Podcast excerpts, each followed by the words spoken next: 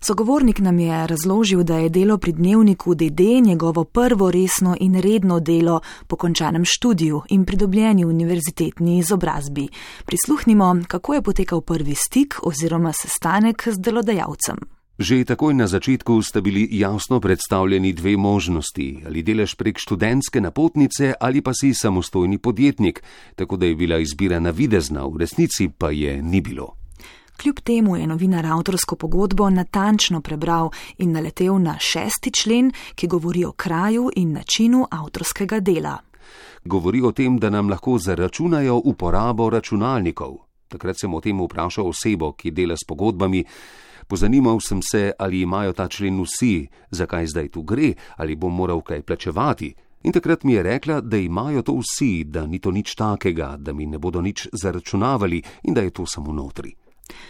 Omenjenega člena do tega trenutka v podjetju niso dejansko izvajali, ker je v členu navedeno tudi to, da bo avtor delal na terenu, v lastnih delovnih prostorih in s svojimi delovnimi sredstvi, poudarimo še, da delo tega novinarja večinoma poteka v prostorih podjetja in na računalniku, ki je v tem prostoru stacioniran.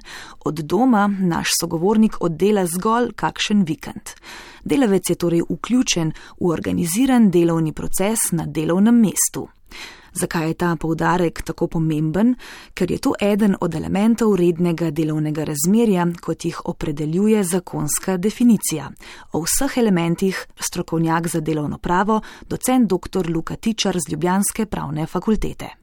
Torej prvo, prvi je, da je seveda vključen v nek organiziran delovni proces, to naprimer, da on dnevno hodi v službo, dela tam po 8, 9 ali še več ur, tudi če manj je to organiziran delovni proces, potem pa seveda, da dela dlje časa, da dela za plačilo, da dela osebno, torej da samo on in, in nihče drug in pa seveda, da je v, v razmerju podrejenosti, torej da je dolžan upoštevati navodila, ki mu jih daje nadrejeni oziroma delodajalec oziroma da je podvržen nadzoru. To so uh, elementi, sicer jih je pet, vsi mu hkrati morajo biti podani, ampak to v praksi zelo pogosto je. Dokler se pa seveda ne ugotovi, da elementi obstajajo, ne, bori si to lahko inšpektor, torej delovni inšpektor, lahko je to inšpektor Fursa ali pa pa sodišče, seveda delovnega razmerja ni, kar seveda potem pomeni, da tukaj obstaja popolna prožnost ali pa fleksibilnost. Ne. Ni omejitev glede odmorov, počitkov, eh, omejitve delovnega časa, ni omejitev minimalne plače, eh, ni omejevanja pri prenehanju sodelovanja. Kot največji problem naš sogovornik izpostavlja to, da ni upravičen do prejemkov, ki po zakonu pripadajo redno zaposlenim, kot naprimer potni stroški, plačan dopust, plačana bolniška, plačano osnovno zdravstveno zavarovanje in regres. Za malico ima odrejen čas, ni pa finančno pokrita. Nekateri so plačani na uro, nekateri so plačani na prispevke, nekateri imajo kar nekakšen paušal, kar je tudi ena od problematik, tako da nismo enotno vrednoteni za svoje delo. Slednje kot pogost problem prepoznava tudi Luka Tičar. Novinari so vse čas, kar se jaz ukvarjam z vprašanjem prikritih delovnih razmerij, ena najbolj reku, poklicnih skupin, ki so najbolj na udaru. Ja, tako da je bilo, so bile situacije, ko je bilo pač v hiši, eh, pravzaprav lahko v isti pisarni aktivnih več novinarjev, pa vsak svoj status. Ne.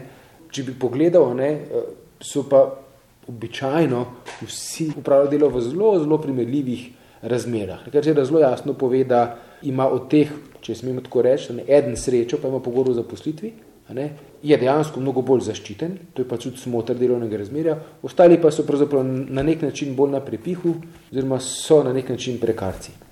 In tim, ki so na prepihu, so pogosto v precej slabem socialnem položaju, med njimi je tudi naš sogovornik.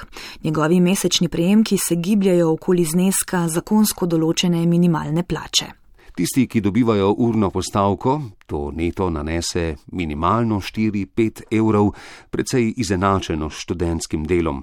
Kakšen mesec si sposojem denar, kakšen mesec gre skozi, ampak to je životarjenje iz meseca v mesec. Da gre res za životarjanje, je sogovornik spoznal, ko si je privoščil dvotedenski dopust.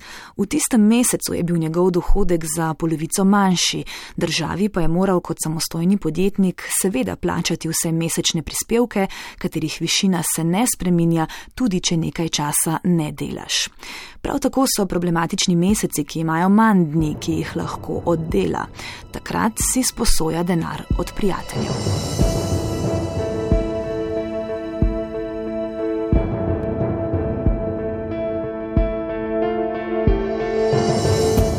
Gre za klasičen primer zlorabe, zlorabe zakonodaje.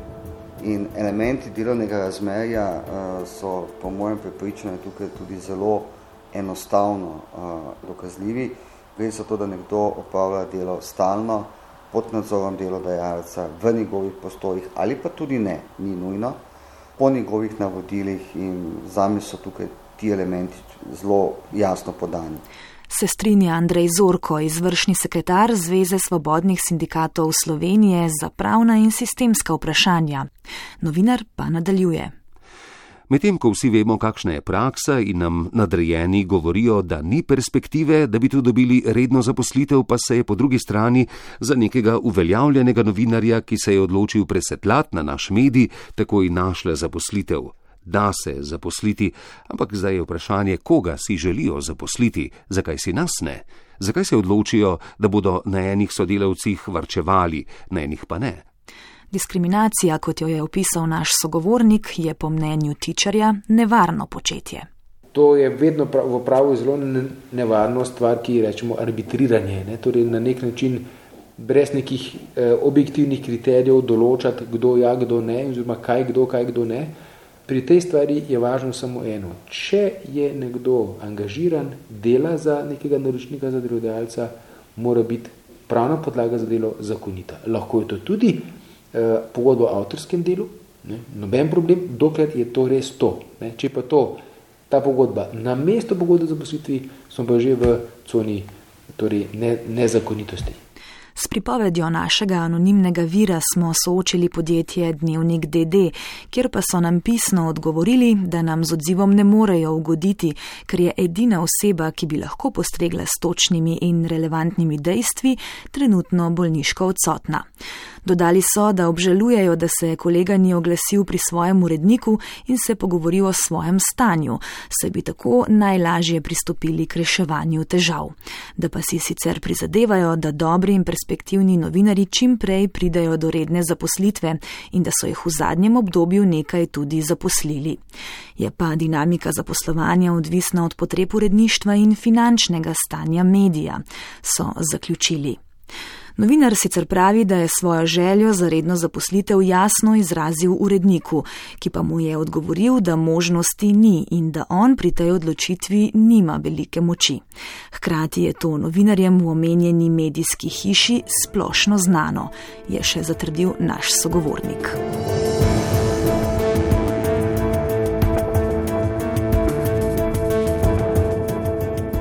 Inšpektorat za delo je v letošnjem letu na ravni vseh dejavnosti in poklicev ugotovil 29, v letu 2018 109 in v letu prej 176 kršitev 13. člena zakona o delovnih razmerjih glede prikritih delovnih razmerij.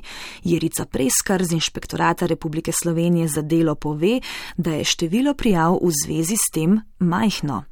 Inšpektorat si je v programskih usmeritvah za letošnje leto vseeno zadal načrten nadzor nad prekarnimi oblikami dela. Nekaj podobnega so izvedli z usmerjeno akcijo nadzora v medijskih hišah že leta 2017, pri kateri so preverjali ravno 13. člen zakona o delovnih razmerjih in izdali 8 prepovednih odločb.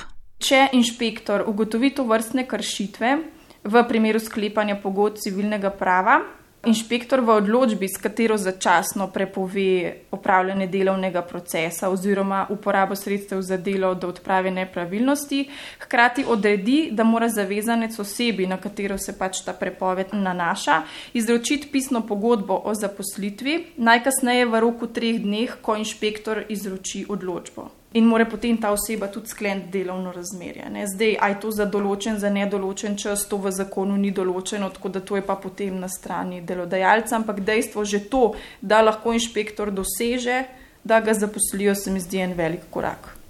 Sporen člen pogodbe o avtorskem delu, ki jo je podpisal naš sogovornik, smo že izpostavili.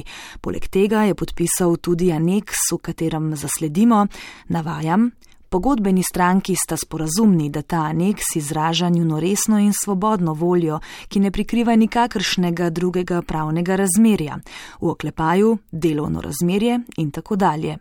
Konec navedka. Takšna klauzula, po mnenju strokovnjaka za delovno pravo, docenta dr.